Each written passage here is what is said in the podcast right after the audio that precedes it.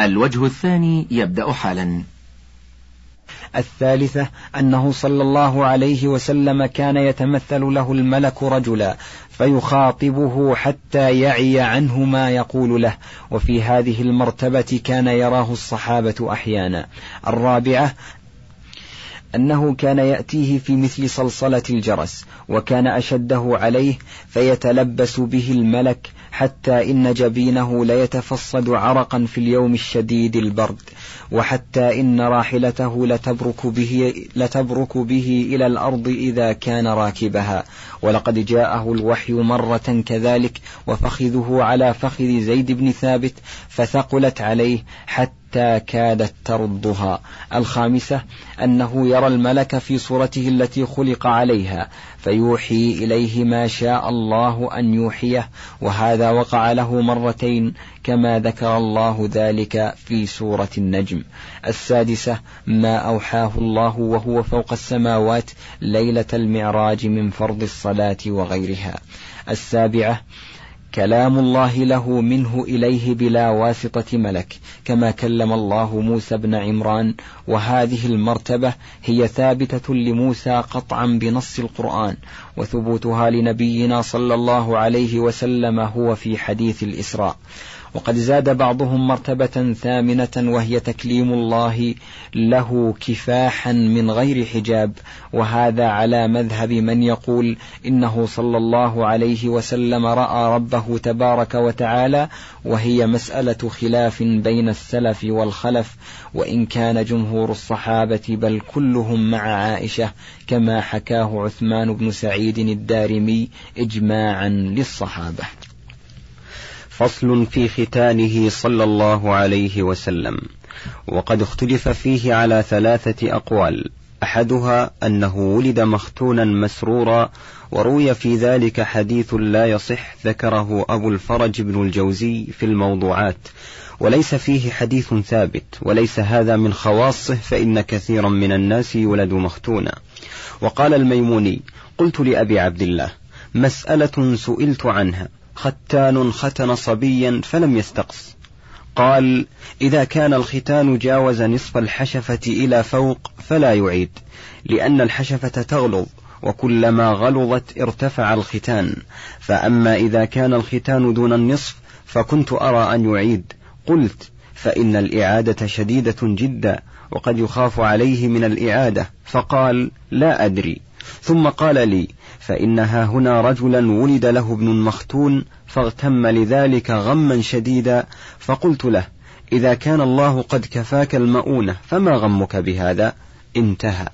وحدثني صاحبنا أبو عبد الله محمد بن عثمان الخليلي المحدث ببيت المقدس أنه ولد كذلك وأن أهله لم يختنوه والناس يقولون لمن ولد كذلك ختنه القمر وهذا من خرافاتهم.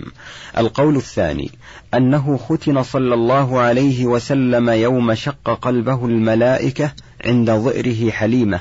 القول الثالث أن جده عبد المطلب ختنه يوم سابعه وصنع له مأدبة وسماه محمدا. قال أبو عمر بن عبد البر. وفي هذا الباب حديث مسند غريب. حدثناه أحمد بن محمد ابن أحمد. حدثنا محمد بن عيسى. حدثنا يحيى بن أيوب العلاف. حدثنا محمد بن أبي السري العسقلاني. حدثنا الوليد بن مسلم عن شعيب عن عطاء الخرساني عن عكرمة عن ابن عباس أن عبد المطلب ختن النبي صلى الله عليه وسلم يوم سابعه. وجعل له مأدبة وسماه محمدا صلى الله عليه وسلم. قال يحيى بن أيوب طلبت هذا الحديث فلم أجده عند أحد من أهل الحديث ممن لقيته إلا عند ابن أبي السري وقد وقعت هذه المسألة بين رجلين فاضلين. صنف أحدهما مصنفا في أنه ولد مختونا وأجلب فيه من الأحاديث التي لا خطام لها ولا زمام وهو كمال الدين ابن طلحة. فنقضه عليه كمال الدين ابن العديم وبين فيه أنه صلى الله عليه وسلم ختن على عادة العرب وكان عموم وكان عموم هذه السنة للعرب قاطبة مغنيا عن نقل معين فيها.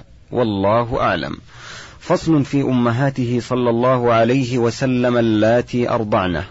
فمنهن ثويبة مولاة أبي لهب أرضعته أياما وأرضعت معه أبا سلمة عبد الله بن عبد الأسد المخزومي بلبن ابنها مسروح وأرضعت معهما عمه حمزة بن عبد المطلب واختلف في إسلامها فالله أعلم.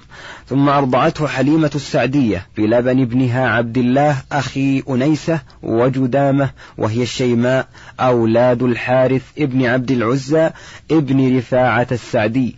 واختلف في إسلام أبويه من الرضاعة فالله أعلم.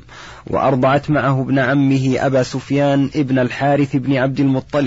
وكان شديد العداوة لرسول الله صلى الله عليه وسلم ثم أسلم عام الفتح وحسن إسلامه وكان عمه حمزة مسترضعا في بني سعد بن بكر فأرضعت أمه رسول الله صلى الله عليه وسلم يوما وهو عند أمه حليمة فكان حمزة رضيع رسول الله صلى الله عليه وسلم من جهتين من جهة ثويبة ومن جهة السعدية.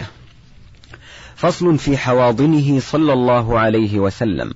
فمنهن أمه آمنة بنت وهب ابن عبد مناف ابن زهرة بن كلاب ومنهن ثويبة وحليمة والشيماء ابنتها وهي أخته من الرضاعة كانت تحضنه مع أمها وهي التي قدمت عليه في وفد هوازن فبسط لها رداءه وأجلسها عليه رعاية لحقها.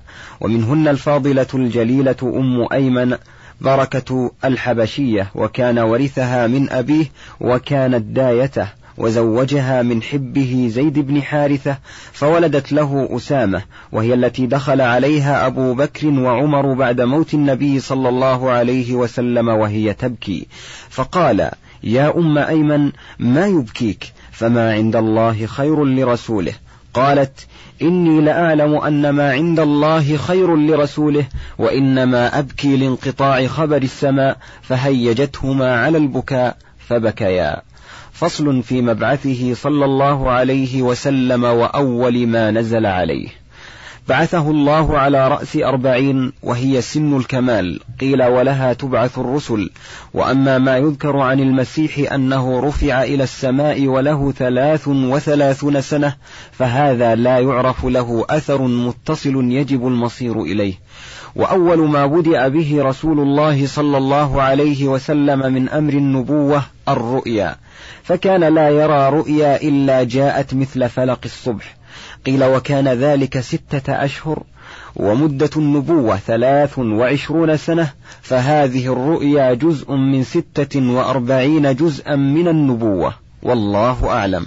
ثم أكرمه الله تعالى بالنبوة فجاءه الملك وهو بغار حراء وكان يحب الخلوة فيه فأول ما نزل عليه اقرأ باسم ربك الذي خلق. هذا قول عائشة والجمهور. وقال جابر أول ما نزل عليه يا أيها المدثر والصحيح قول عائشة لوجوه أحدها أن قوله ما أنا بقارئ صريح في أنه لم يقرأ قبل ذلك شيئا. الثاني الأمر بالقراءة في الترتيب قبل الأمر بالإنذار فإنه إذا قرأ في نفسه أنذر بما قرأه. فأمره بالقراءة أولا ثم بالإنذار بما قرأه ثانيا. فأمره بالقراءة أولا ثم بالإنذار بما قرأه ثانيا. الثالث أن حديث جابر وقوله أول ما نزل من القرآن يا أيها المدثر قول جابر وعائشة أخبرت عن خبره صلى الله عليه وسلم عن نفسه بذلك. الرابع أن حديث جابر الذي احتج به صريح في أنه قد تقدم نزول الملك عليه أولا قبل نزول يا أيها المدثر فإنه قال فرفعت رأسي فإذا الملك الذي جاءني بحراء فرجعت إلى أهلي فقلت زملوني دثروني فأنزل الله يا أيها المدثر وقد أخبر أن الملك الذي جاءه بحراء أنزل عليه اقرأ باسم ربك الذي خلق فدل حديث جابر على تأخر نزول يا أيها المدثر والحجة في روايته لا في رأيه والله أعلم. فصل في ترتيب الدعوة ولها مراتب. المرتبة الأولى النبوة الثانية إنذار عشيرته الأقربين الثالثة إنذار قومه الرابعة إنذار قوم ما أتاهم من نذير من قبله وهم العرب قاطبة. الخامسة إنذار جميع من بلغته دعوته من الجن والإنس إلى آخر الدهر. فصل. وأقام صلى الله عليه وسلم بعد ذلك ثلاث سنين يدعو إلى الله سبحانه مستخفيا. ثم نزل عليه فاصدع بما تؤمر وأعرض عن المشركين. فأعلن صلى الله عليه وسلم بالدعوة وجاهر قومه بالعداوة واشتد الأذى عليه وعلى المسلمين حتى أذن الله لهم بالهجرتين. فصل في أسمائه صلى الله عليه وسلم. وكلها نعوت ليست أعلاما محضة لمجرد التعريف بل أسماء مشتقة من صفات قائمة به توجب له المدح والكمال. فمنها محمد وهو أشهرها وبه سمي في التوراة صريحا كما بيناه بالبرهان الواضح في كتاب جلاء الأفهام في فضل الصلاة والسلام على خير الأنام وهو كتاب فرد في معناه لم يسبق إلى مثله في كثرة فوائده وغزارتها. بينا فيه الأحاديث الواردة في الصلاة والسلام عليه وصحيحها من حسنها وصحيحها من حسنها ومعلولها وبينا ما في معلولها من العلل بيانا شافيا. ثم أسرار هذه ثم أسرار هذا الدعاء وشرفه وما اشتمل عليه من الحكم والفوائد. ثم مواطن الصلاة عليه ومحالها ثم الكلام في مقدار الواجب منها واختلاف أهل العلم فيه وترجيح الراجح وترجيح الراجح وتزييف المزيف ومخبر الكتاب فوق وصفه. والمقصود أن اسمه محمد في التوراة صريحا بما يوافق عليه كل عالم من مؤمني أهل الكتاب ومنها أحمد وهو الاسم الذي سماه به المسيح لسر ذكرناه في ذلك الكتاب ومنها المتوكل ومنها الماحي والحاشر والعاقب والمقفي ونبي التوبة ونبي الرحمة ونبي الملحمة والفاتح والأمين. ويلحق بهذه الأسماء الشاهد والمبشر والبشير والنذير والقاسم والضحوك والقتال وعبد الله والسراج المنير وسيد ولد آدم وصاحب لواء الحمد وصاحب المقام المحمود وغير ذلك من الأسماء لأن أسماءه إذا كانت أوصاف مدح فله من كل وصف اسم. لكن ينبغي أن يفرق بين الوصف المختص به أو الغالب عليه ويشتق له اسم ويشتق له منه اسم وبين الوصف المشترك فلا يكون له منه اسم يخصه. وقال جبير بن مطعم سمى لنا رسول الله صلى الله عليه وسلم نفسه أسماء فقال أنا محمد وأنا أحمد وأنا الماحي الذي يمحو الله بي الكفر وأنا الحاشر الذي يحشر الناس على قدمي والعاقب الذي ليس بعده نبي. وأسماؤه صلى الله عليه وسلم نوعان. أحدهما خاص لا يشاركه فيه غيره من الرسل كمحمد وأحمد والعاقب والحاشر والمقفي ونبي الملحمة. والثاني ما يشاركه في معناه غيره من الرسل ولكن له منه كماله فهو مختص بكماله دون أصله كرسول الله ونبيه وعبده والشاهد والمبشر والنذير ونبي الرحمة ونبي التوبة. وأما إن جعل له من كل وصف من أوصافه اسم تجاوزت أسماؤه المئتين كالصادق والمصدوق والرؤوف الرحيم إلى أمثال ذلك. وفي هذا قال من قال من الناس إن لله ألف اسم وللنبي صلى الله عليه وسلم ألف اسم قاله أبو الخطاب ابن دحية ومقصوده الأوصاف. فصل في شرح معاني أسمائه صلى الله عليه وسلم. أما محمد فهو اسم مفعول من حمد فهو محمد إذا كان كثير الخصال التي يحمد عليها. ولذلك كان أبلغ من محمود فإن محمودا من الثلاثي المجرد ومحمد من المضاعف للمبالغة فهو الذي يحمد أكثر مما يحمد غيره من البشر. ولهذا والله أعلم سمي به في التوراة لكثرة الخصال المحمودة التي وصف بها هو ودينه وأمته. في التوراة حتى تمنى موسى عليه الصلاة والسلام أن يكون منهم. وقد أتينا على هذا المعنى بشواهده هناك وبينا غلط أبي القاسم السهيلي حيث جعل الأمر بالعكس وأن اسمه في التوراة أحمد. وأما أحمد فهو اسم على زينة أفعل على زينة أفعل التفضيل مشتق أيضا من الحمد وقد اختلف الناس فيه. هل هو بمعنى فاعل أو مفعول؟ فقال الطائفة هو بمعنى الفاعل أي حمده لله أكثر من حمد غيره له فمعناه أحمد الحامدين لربه. ورجحوا هذا القول بأن قياس أفعل التفضيل أن يصاغ من فعل الفاعل لا من الفعل الواقع على المفعول. قالوا ولهذا لا يقال ما أضرب زيدا. ولا زيد أضرب من عمرو باعتبار الضرب الواقع عليه ولا ما أشربه للماء وآكله للخبز ونحوه. قالوا لأن أفعل التفضيل وفعل التعجب إنما يصاغان من الفعل اللازم ولهذا يقدر نقله من فعل وفعل المفتوح المفتوح العين ومكسورها إلى فعل المضموم العين. قالوا ولهذا يعدى بالهمزة إلى المفعول فهمزته للتعدية كقولك ما أضرف زيدا وأكرم عمرا وأصلهما من ظرف وكرم قالوا لأن المتعجب منه فاعل في الأصل فوجب أن يكون فعله غير متعد. قالوا وأما نحو ما أضرب زيدا لعمر فهو منقول من فعل المفتوح العين إلى فعل المضموم العين.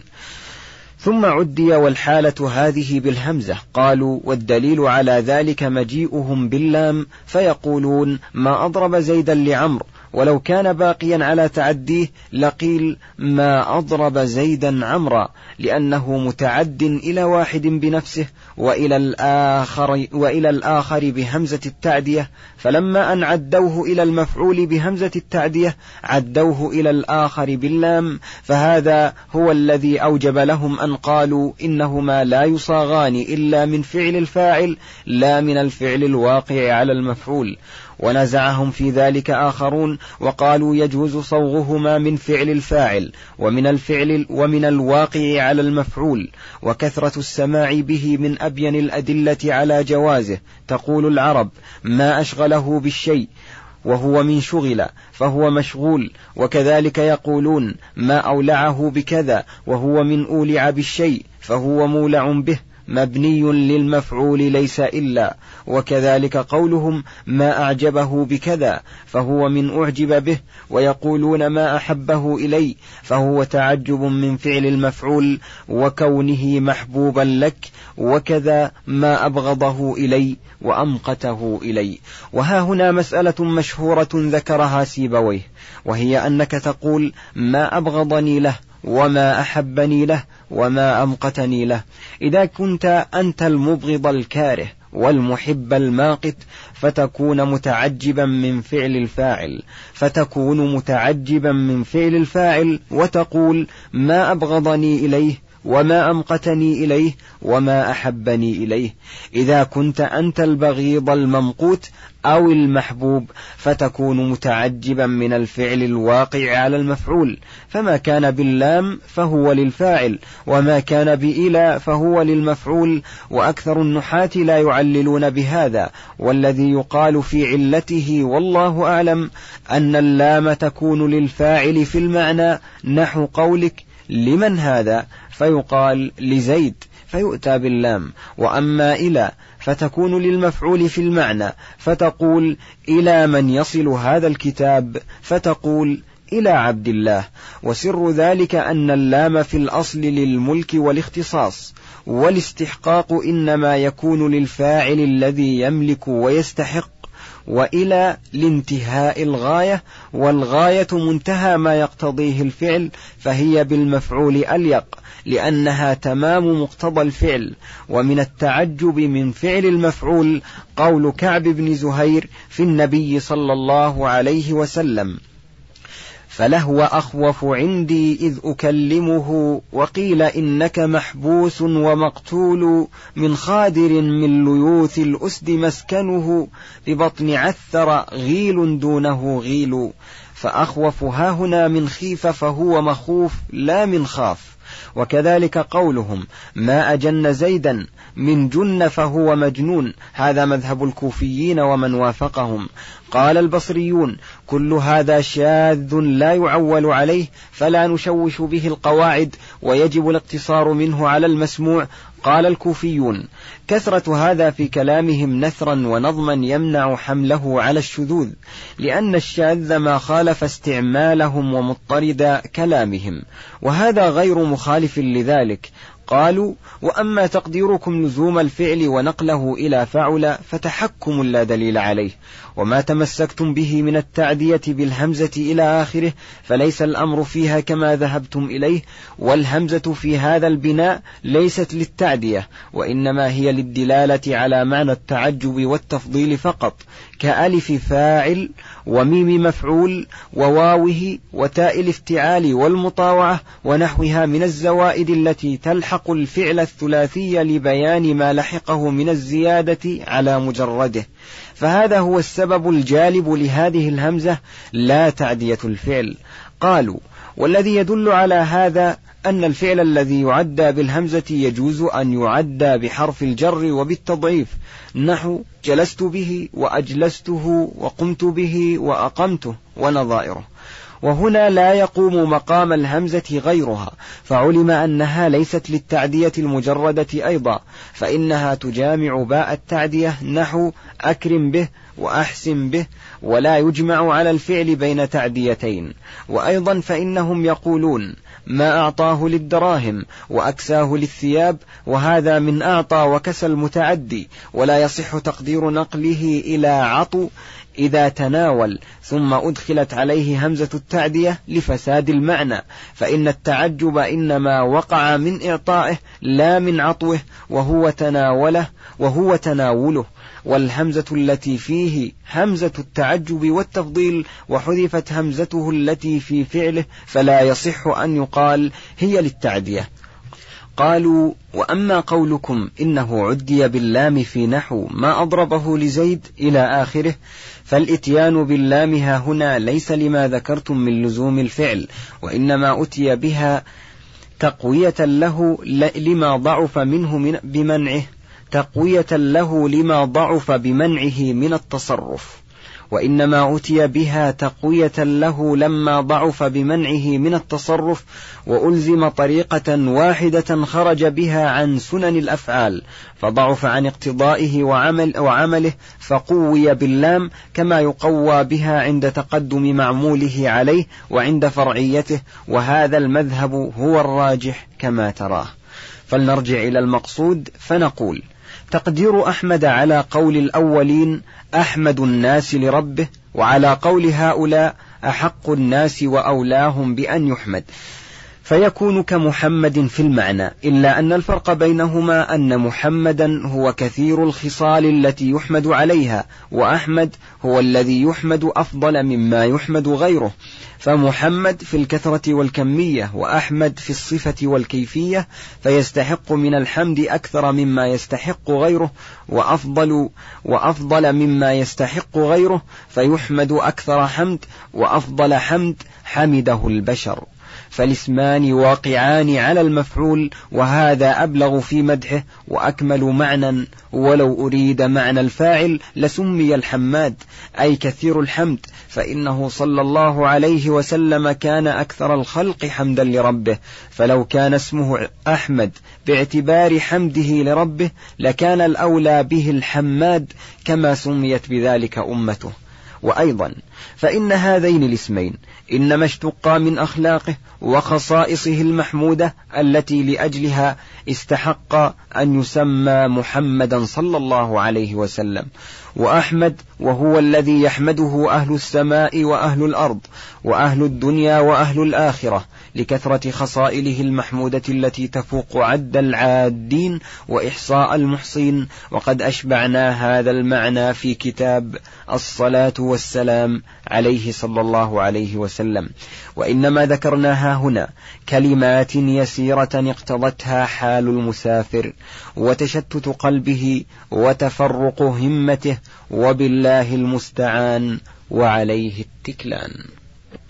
وأما اسمه المتوكل ففي صحيح البخاري عن عبد الله بن عمرو قال قرأت في التوراة صفة النبي صلى الله عليه وسلم محمد رسول الله عبدي ورسولي سميته المتوكل ليس بفظ ولا غليظ ولا سخاب في الأسواق ولا يجزي بالسيئة السيئة بل يعفو ويصفح ولن أقبضه حتى أقيم به الملة العوجاء بأن يقولوا لا إله إلا الله. وهو صلى الله عليه وسلم أحق الناس بهذا الاسم لأنه توكل على الله في إقامة الدين توكلا لم يشركه فيه غيره. وأما الماحي والحاشر والمقفي والعاقب فقد فسرت في حديث جبير بن مطعم فالماحي هو الذي محى الله به الكفر ولم يمحى الكفر بأحد من الخلق ما محي بالنبي صلى الله عليه وسلم فإنه بعث وأهل الأرض كلهم كفار إلا بقايا من أهل الكتاب وهم ما بين عباد أوثان ويهود مغضوب عليهم ونصارى ضالين وصابئة دهرية لا يعرفون ربا ولا معادا وبين عباد الكواكب وعباد النار وفلاسفة لا يعرفون شرائع الأنبياء ولا يقرون بها فمحى الله سبحانه برسوله صلى الله عليه وسلم ذلك حتى ظهر دين الله على كل دين وبلغ دينه ما بلغ الليل والنهار وسارت دعوته مسير الشمس في الأقطار. وأما الحاشر فالحشر هو الضم والجمع فهو الذي يحشر الناس على قدمه فكأنه بعث ليحشر الناس. والعاقب الذي جاء عاقب الأنبياء فليس بعده نبي فإن العاقب هو الآخر فهو بمنزلة الخاتم ولهذا سمي العاقب على الإطلاق أي عقب الأنبياء جاء بعقبهم. وأما المقفي فكذلك. وهو الذي قفى على آثار من تقدمه فقف الله به على آثار من سبقه من الرسل وهذه اللفظة مشتقة من القفو. يقال قفاه يقفوه إذا تأخر عنه ومنه قافية الرأس وقافية البيت. فالمقفي الذي قفى من قبله من الرسل فكان خاتمهم وآخرهم. انتهى الشريط الثاني من كتاب زاد المعاد وله بقية على الشريط الثالث.